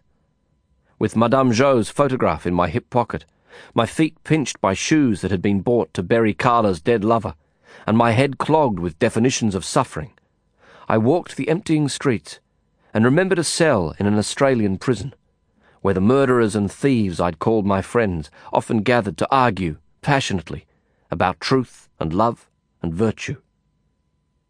I wondered if they thought of me from time to time. Am I a daydream for them now? I asked myself. A daydream of freedom and flight? How would they answer the question, What is suffering? I knew. Kaderbai had dazzled us with the wisdom of his uncommon sense and the cleverness of his talent for expressing it. His definition was sharp and barbed enough. Suffering is happiness, backwards, to hook a fish of memory. But the truth of what human suffering really means, in the dry, frightened mouth of life, wasn't in Kaderbai's cleverness that night. It belonged to Khaled Ansari, the Palestinian. His was the definition that stayed with me. His simple, unbeautiful words were the clearest expression of what all prisoners, and everyone else who lives long enough, know well. That suffering, of every kind, is always a matter of what we've lost. When we're young, we think that suffering is something that's done to us. When we get older, when the steel door slams shut in one way or another, we know that real suffering is measured by what's taken away from us. Feeling small and alone and lonely, I walked by memory and touch through the dark, lightless lanes of the slum. As I turned into the last gully where my own empty hut waited, I saw lamplight. A man was standing not far from my door, with a lantern in his hand. Beside him was a small child, a little girl, with knotted, teased hair. I drew near and saw that the man with the lantern was Joseph, the drunkard who'd beaten his wife, and that Prabaker was with him in the shadows. What's going on? I whispered. It's light. Hello, Lin Baba. Nice clothes you're wearing for changes, Prabaker smiled, his round face floating in the yellow light. I love it, your shoes. So clean and shining. Just in time you are. Joseph is doing it good things. He has paid money to have it the good luck sign put on everybody his doors. Since not being a badly drinking fellow any more, he has been working full overtimes, and with some of his extra money he paid for this, to help us all with good luck. The good luck sign? Yes. Look here at this child. Look at her hand. He lifted the little girl's wrists and exposed the hands. In the feeble light, it wasn't clear what I was supposed to see. Look here. Only four fingers she has. See that? Four fingers only. Very good luck, this thing. I saw it. Two fingers on the child's hands were joined, imperceptibly, to make just one thick finger between the index and middle fingers. Her palms were blue. Joseph held a flat dish of blue paint, The child had been dipping her hands into it and making handprints on the door of every hut in our lane to bring protection against the many afflictions attributed to the evil eye. Superstitious slum dwellers apparently deemed her to be especially blessed because she was born with the rare difference of only four fingers on each hand. As I watched, the child reached over to press her small hands against my flimsy door. With a brief, serious nod, Joseph led the girl away to the next hut. I am helping that used to be beating his wife and badly drinking fellow. That Joseph, Prabaker said, in a stage whisper that could be heard twenty meters away. You are wanting any things before I'm going? No, thanks. Good night, Prabhu. Shubharatri, Lin, he grinned. Good night. Have it sweet dreams for me, yes? He turned to leave, but I stopped him. Hey, Prabhu. Yes, Lin? Tell me, what is suffering? What do you think? What does it mean that people suffer? Prabaker glanced along the dark lane of ramshackle huts to the hovering glowworm of Joseph's lamp. He looked back at me, only his eyes and his teeth visible, although we were standing quite close together. You're feeling okay, Lin? I'm fine, I laughed. Did you drink any daru tonight, like that badly drinking Joseph? No, really, I'm fine. Come on, you're always defining everything for me. We were talking about suffering tonight, and I'm interested to know. What do you think about it? It's easy. Suffering is hungry, isn't it? Hungry for anything means suffering. Not hungry for something means not suffering. But everybody knows that. Yes, I guess everybody does. Good night, Prabhu. Good night, Lin. He walked away, singing, and he knew that none of the people sleeping in the wretched huts around him would mind. He knew that if they woke, they would listen for a moment, and then drift back to sleep with a smile, because he was singing about love. Chapter 15 Wake up, Lin. Hey, Lin Baba. You must wake up now. One eye opened and focused on a hovering brown balloon that had Johnny Cigar's face painted on it. The eye closed again. Go away, Johnny. Hello to you too, Lin, he chuckled, infuriatingly happy. You have to get up. You're an evil man, Johnny. You're a cruel and evil man. Go away. One fellow has an injury, Lin. We need your medicine box, and your good medical self also. It's still dark, man, I groaned. It's two o'clock in the morning. Tell him to come back in the daylight when I'm alive. Oh, certainly I will tell him, and he will go.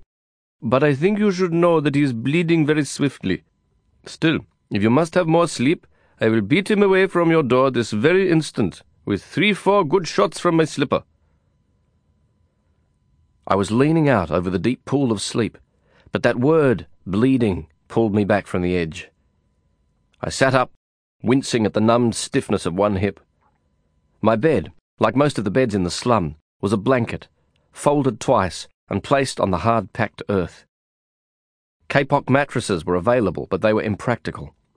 They took up too much space in the small huts.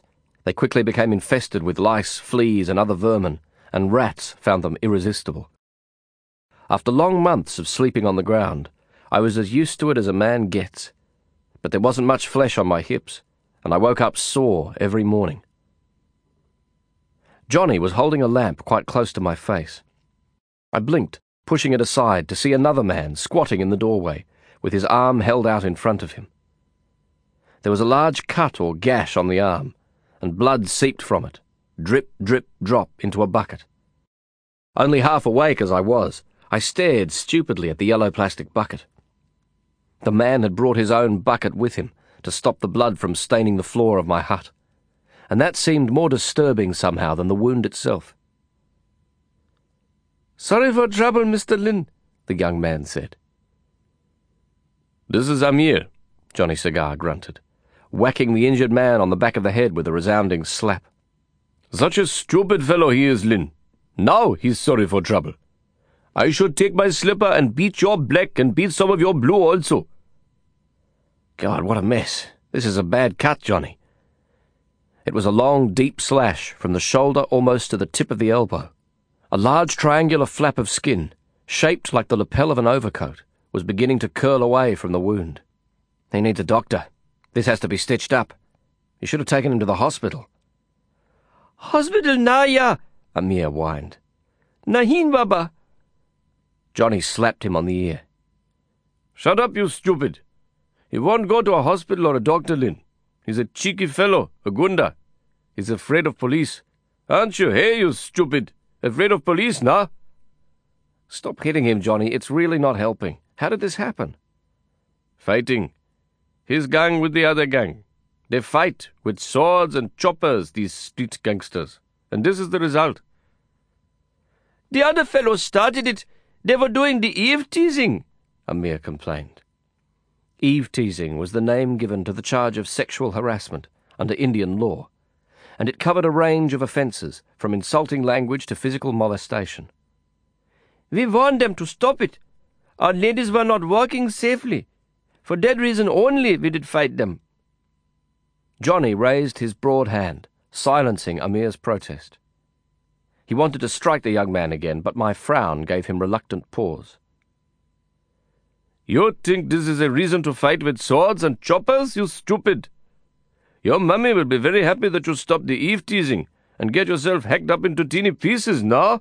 Very happy she'll be. And now you want Lin Baba to sew you up and make nice repairs to your arm. Shameful you are. Wait a minute, Johnny. I can't do this. It's too big, too messy. It's too much. You have the needles and cotton in your medical boxes, Lin. He was right. The kit contained suture needles and silk thread, but I'd never used them. I've never used them, Johnny. I can't do it. He needs a professional, a doctor or a nurse. I told you, Lin, he won't go to a doctor. I tried to force him. Someone in the other gang was hurt even more seriously than this stupid boy. Maybe he will die also, this other fellow. It is a police matter now, and they are asking questions. Amir won't go to any doctor or hospital. If you give me, I will do myself, Amir said, swallowing hard. His eyes were huge with fright and horror struck resolve. I looked at him full in the face for the first time, and I saw how young he was sixteen or seventeen years old. He was wearing Puma sneakers, jeans, and a basketball singlet with the number 23 printed on the front. The clothes were Indian copies of famous Western brands, but they were considered fashionably hip by his peers in the slum. Other young men with lean bellies and heads full of scrambled foreign dreams. Young men who went without food to buy clothes that they imagined made them look like the cool foreigners in magazines and films. I didn't know the kid. He was one of thousands I'd never seen, although I'd been there for almost six months, and no one in the place lived more than five or six hundred metres from my hut. Some men, such as Johnny Cigar and Prabaker, appeared to know everyone in the slum. It seemed extraordinary to me that they should know intimate details from the lives of so many thousands of people. It was even more remarkable that they cared, that they encouraged and scolded and worried about all of them. I wondered how that young man was connected to Johnny Cigar.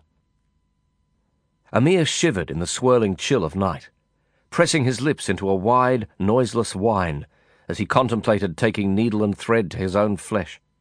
I wondered how it was that Johnny, standing above him, knew him well enough to be sure he would do it. To nod at me with the message, Yes, if you give him the needle, he will do it himself. Okay, okay, I'll do it, I surrendered. It's going to hurt. I haven't got any anesthetic. Hurt? Johnny boomed happily. Pain is no problem, Lin. Good you have pains, Amir, you chutya. Pains in your brains you should be having. I sat Amir down on my bed, covering his shoulders with another blanket. Pulling the kerosene stove from my kitchen box, I pumped it up, primed it, and set a pot of water on it to boil. Johnny hurried off to ask someone to make hot sweet tea. I washed my face and hands hurriedly, in the dark, at the open bathroom space beside my hut. When the water boiled, I put a little into a dish and threw two needles into the pot to sterilize them with further boiling. Using antiseptic and warm soapy water, I washed the wound and then dried it off with clean gauze. I bound the arm tightly with gauze, leaving it in place for ten minutes to press the wound together, in the hope that it would make the stitching easier. Amir drank two large mugs of sweet tea at my insistence, as a counter to the symptoms of shock that had begun to show. He was afraid, but he was calm. He trusted me. He couldn't know that I'd only done the procedure once before, and under ironically similar circumstances. A man had been stabbed during a prison fight. The problem between the two antagonists, whatever it was, had been resolved in the violent encounter, and the matter was finished so far as they were concerned. But if the stabbed man had reported to the prison infirmary for treatment, the authorities would have placed him in an isolation unit for prisoners on protection.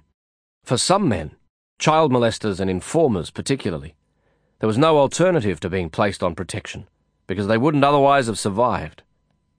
For others, men placed there against their will, the protection unit was a curse, the curse of suspicion, slanders, and the company of men they despised. The stabbed man had come to me. I'd stitched his wound closed with a leatherwork needle and embroidery thread. The wound healed, but it left an ugly, rippling scar. The memory of it never left me, and I wasn't confident about the attempt to stitch Amir's arm. The sheepish, trusting smile that the young man offered me was no help. People always hurt us with their trust, Carla said to me once. The surest way to hurt someone you like is to put all your trust in him. I drank tea, smoked a cigarette, and then set to work. Johnny stood in the doorway, ineffectually scolding several curious neighbours and their children away from the door. The suture needle was curved and very fine. I supposed that it should have been used with some kind of pliers. I had none in my kit. One of the boys had borrowed them to fix a sewing machine. I had to push the needle into the skin and pull it through with my fingers. It was awkward and slippery, and the first few cross shaped stitches were messy. Amir winced and grimaced inventively, but he didn't cry out. By the fifth and sixth stitches, I developed a technique, and the ugliness of the work, if not the pain involved, had diminished. Human skin is tougher and more resilient than it looks. It's also relatively simple to stitch, and the thread can be pulled quite tightly without tearing the tissue. But the needle, no matter how fine or sharp, is still a foreign object. And for those of us who aren't inured to such work through frequent repetition, there's a psychological penalty that must be paid each time we drive that alien thing into another being's flesh. I began to sweat heavily despite the cool night. It was a measure of the distress involved that Amir became brighter as the work progressed, while I grew more tense and fatigued. You should have insisted that he go to a hospital, I snapped at Johnny Cigar. This is ridiculous.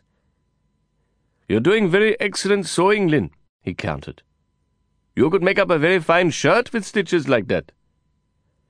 It's not as good as it should be. He'll have a big scar. I don't know what the fuck I'm doing here. You're having trouble with toilet, Lin.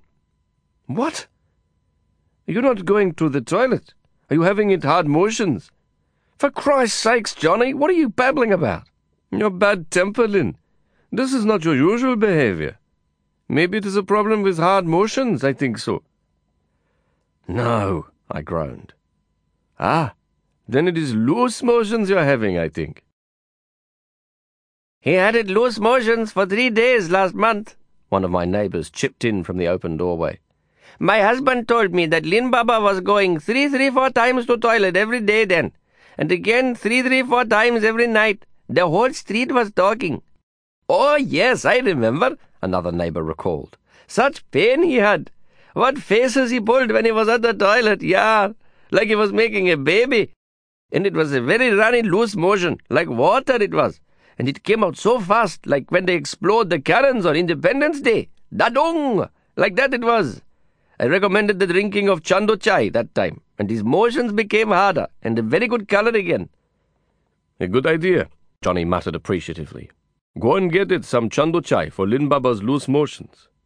No, I moaned. I don't have loose motions. I don't have hard motions. I haven't had a chance to have any motions at all yet. I'm only half awake, for God's sake. Oh, what's the use? There, it's finished. You'll be okay, Amir, I think. But you should have a tetanus injection. No need, Lin Baba. I had it injections before three months after the last fighting. I cleaned the wound once more and dusted it with antibiotic powder. Covering the 26 stitches with a loose bandage, I warned him not to get it wet and instructed him to come back within two days to have it checked. He tried to pay me, but I refused the money. No one paid for the treatment I dispensed. Still, it wasn't principle that made me refuse. The truth was that I felt curiously, inexplicably angry at Amir, at Johnny, at myself, and I ordered him away curtly. He touched my feet and backed out of the hut, collecting a parting slap on the head from Johnny Cigar. I was about to clean up the mess in my hut when Prabaker rushed inside, grasped at my shirt, and tried to drag me out through the door. So good that you're not sleeping, Lin Baba, he gasped breathlessly. We can save the time of waking you up. You must come now with me. Hurry, please. For God's sake, what is it now? I grumbled. Let go of me, Prabhu. I've got to clean up this mess. No time for mess, Baba. You come now, please. No problem. Yes, problem, I contradicted him. I'm not going anywhere until you tell me what the hell is going on. That's it, Prabhu. That's final. No problem. You absolutely must come, Lin, he insisted, dragging at my shirt. Your friend is in the jail. You must help. We abandoned the hut and rushed out through the narrow, shadow clogged lanes of the sleeping slum. On the main street outside the President Hotel, we caught a cab and swept along the clean, silent streets, past the Parsi colony, Sassoon Dock, and the Colaba Market. The cab stopped outside the Colaba police station, directly across the road from Leopold's. The bar was closed, of course, with the wide metal shutters rolled down to the pavement. It seemed preternaturally quiet, the haunted stillness of a popular bar closed for business. Prabaker and I passed the gates of the police station and entered the compound.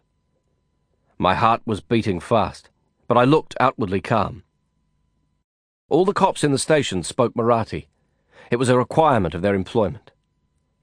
I knew that if they had no special reason to suspect or challenge me, my proficiency with the Marathi language would please them as much as it surprised them. It would make me popular with them, and that small celebrity would protect me. Still, it was a journey behind enemy lines, and in my mind I pushed the locked, heavy box of fear all the way to the back of the attic. Prabaker spoke quietly to a havaldar, or police constable, at the foot of a long flight of metal stairs. The man nodded and stepped to the side. Prabaker wagged his head, and I followed him up the steel steps to a landing with a heavy door on the first floor. A face appeared at the grill set into the door. Large brown eyes stared left and right, and then the door opened for us. We stepped into an antechamber that contained a desk a small metal chair, and a bamboo cot. The guard who opened the door was the watchman on duty that night. He spoke briefly with Prabaker and then glared at me. He was a tall man with a prominent paunch and a large, expressively bristly moustache, tinged with grey. There was a metal gate made from hinged concertina-style lattices behind him. Beyond the gate, the faces of a dozen prisoners watched us with intense interest. The guard turned his broad back on them and held out his hand. He wants you to, Prabaker began. I know, I stopped him, fishing into the pocket of my jeans. He wants bakshish. How much? Fifty rupees, Prabaker grinned, looking up with his biggest smile into the face of the tall officer. I handed over a fifty rupee note, and the watchman palmed it. He turned his back to me and approached the metal gate. We followed him. More men had gathered there, all wide awake and chattering despite the late hour. The watchman stared at them, one by one, until all were silent. Then he called me forward. When I faced the bars of the steel gate, the crowd of men parted, and two fantastic figures pushed their way to the front. They were the bear handlers, the blue-skinned men who'd brought Kano the bear to my slum at Abdullah's request. They reached the gate and grasped at the bars, chattering at me so quickly and urgently that I caught only every fourth or fifth word. What's going on, Prabhu? I asked, completely mystified. When Prabaker told me that my friend was in jail, I'd assumed that he'd meant Abdullah. I was expecting to find Abdullah behind the bars, and I moved left and right, trying to see beyond the bear handlers and the other men crowding at the gate. These are your friends, isn't it? Prabaker asked. Don't you remember then? They came with Kano to have your bear hugs. Yes, sure, I remember them. Did you bring me to see them? Prabaker blinked at me, and then turned quickly to check the expressions on the faces of the watchmen and the bear handlers. Yes, Lin, he said quietly. These men were asking you to come. Do you. do you want to leave? No, no, I just. Never mind. What do they want? I can't make out what they're saying. Prabaker asked them to explain what they wanted, and the two blue skinned men shouted their story, clutching at the lattices of the gate as if they were the boards of a raft on the open sea. They say, they tell it, that they are staying near to the Navy Nagar, and they found there some other fellows who are also bear handling fellows, and having it one very sad and skinny bear, Prabaker explained, urging the men to be calm and to speak more slowly. They say that these others were not treating their bear with respect. They were beating that bear with a whip, and that bear was crying with pains all over him. The bear handlers spoke in a rush of words that kept Prabaker silent listening and nodding, with his mouth open to speak. Other prisoners approached the gate to listen. The corridor beyond the gate had long windows on one side, covered by a metal grille. On the other side of the crowded prison corridor, there were several rooms. Men streamed from those rooms, swelling the throng at the gate to a hundred or more prisoners, all of them listening with fascination to the bear handler's story. So hard those bad fellows were beating their poor bear, Prabaker translated. And even when it cried, those fellows didn't stop beating at that bear. And you know, it was a girl bear. The men at the gate reacted with outraged, angry shouts and sympathetic cries. Our fellows here, they were very upset about the others beating that other bear. So they went up to those others and they told them they must not be beating any bear. But they were very bad and angry, those fellows. There was a lot of shouting and pushing and bad language. One of those fellows, he called our fellows the sister fuckers. Our fellows, they called the other ones the assholes. The bad ones, they call our fellows motherfucking bastards. Our fellows, they call them brotherfuckers. The other ones, they said a lot more about something and anything fucking. Our fellows, they said back a lot about. Get to the point, Prabhu. Yes, Lin, he said, listening intently. There was a lengthy pause. Well, I demanded. Still a lot of bad language, Lin, he replied, shrugging helplessly. But some of it, I have to say, is very, very fine, if you want to hear it.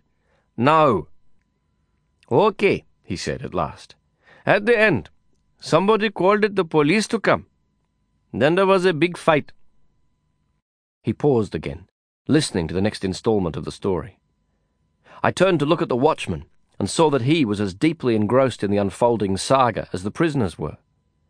He chewed pan as he listened, his thorn bush of a moustache twitching up and down, and unconsciously emphasizing his interest.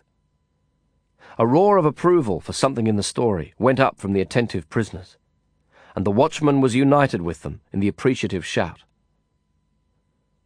At first, the other fellows were winning that big fight. So much fighting there was, Lin, like in Mahabharata.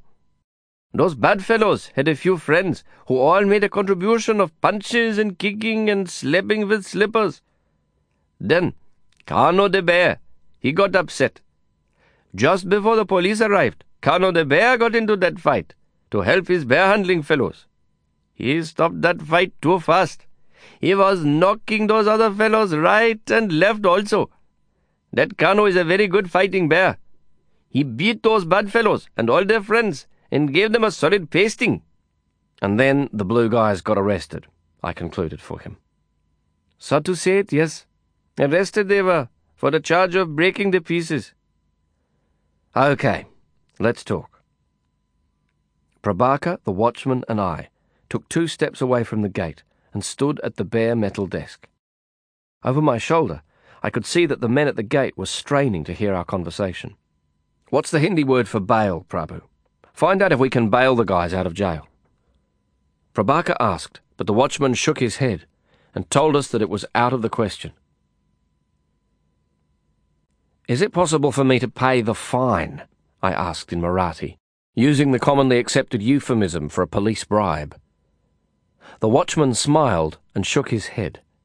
A policeman was hurt in the scuffle, he explained, and the matter was out of his hands. Shrugging my helplessness, I turned back to the gate and told the men that I couldn't bail or bribe them out of the jail. They rattled away at me in such a swift and garbled Hindi that I couldn't understand them. No, Lin, Prabaker announced, beaming a smile at me. They don't worry for themselves. They worry for Kano. He is arrested also, that bear. They are very worried for their bear. That is what they want you to help them for. The bear is arrested? I asked the watchman in Marathi. Ji? Ha! he replied, a flourish of pride rippling in his wild moustache. Sir? Yes. The bear is in custody downstairs.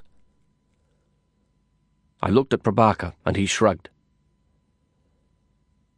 Maybe we should see it, that bear, he suggested.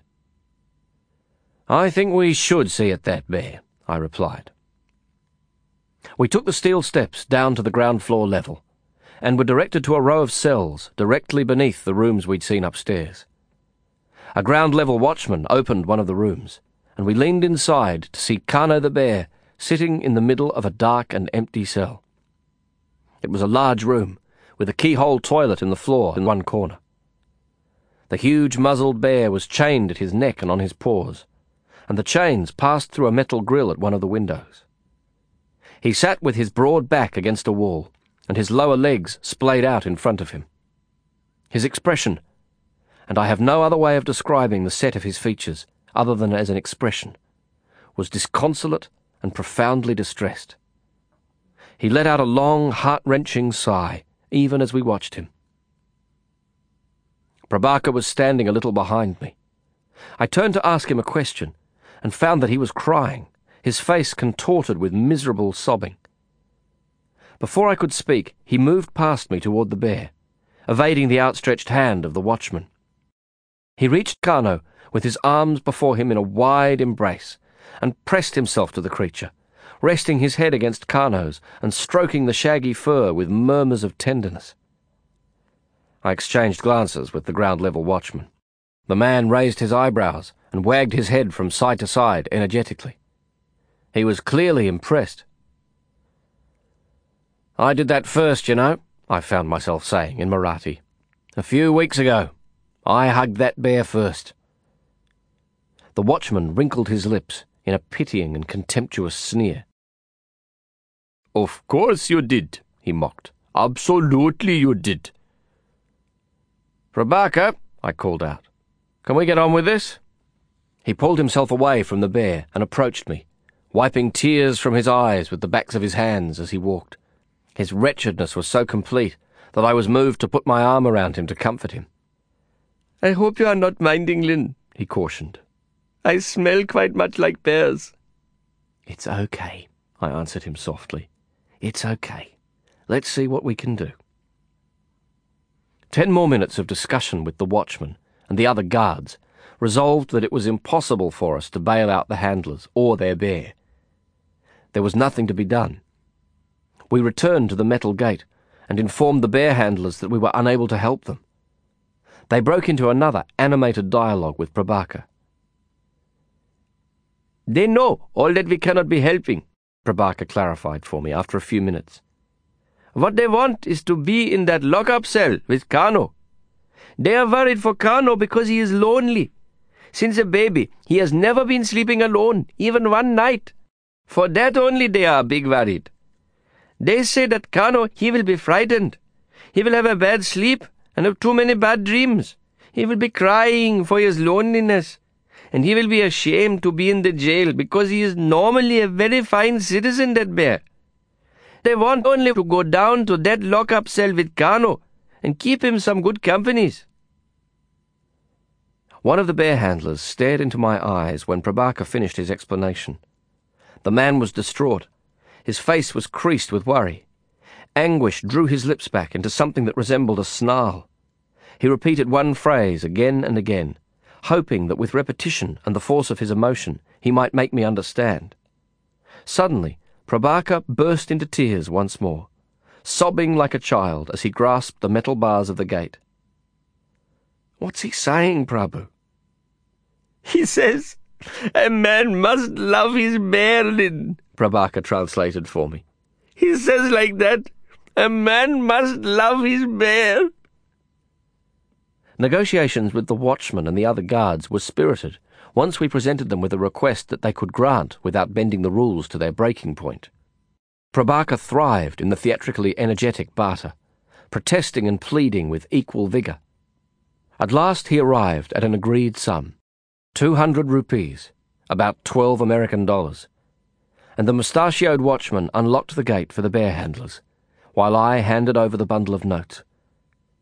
In a strange procession of people and purposes, we filed down the steel stairs, and the ground floor watchman unlocked the cell that housed Kano.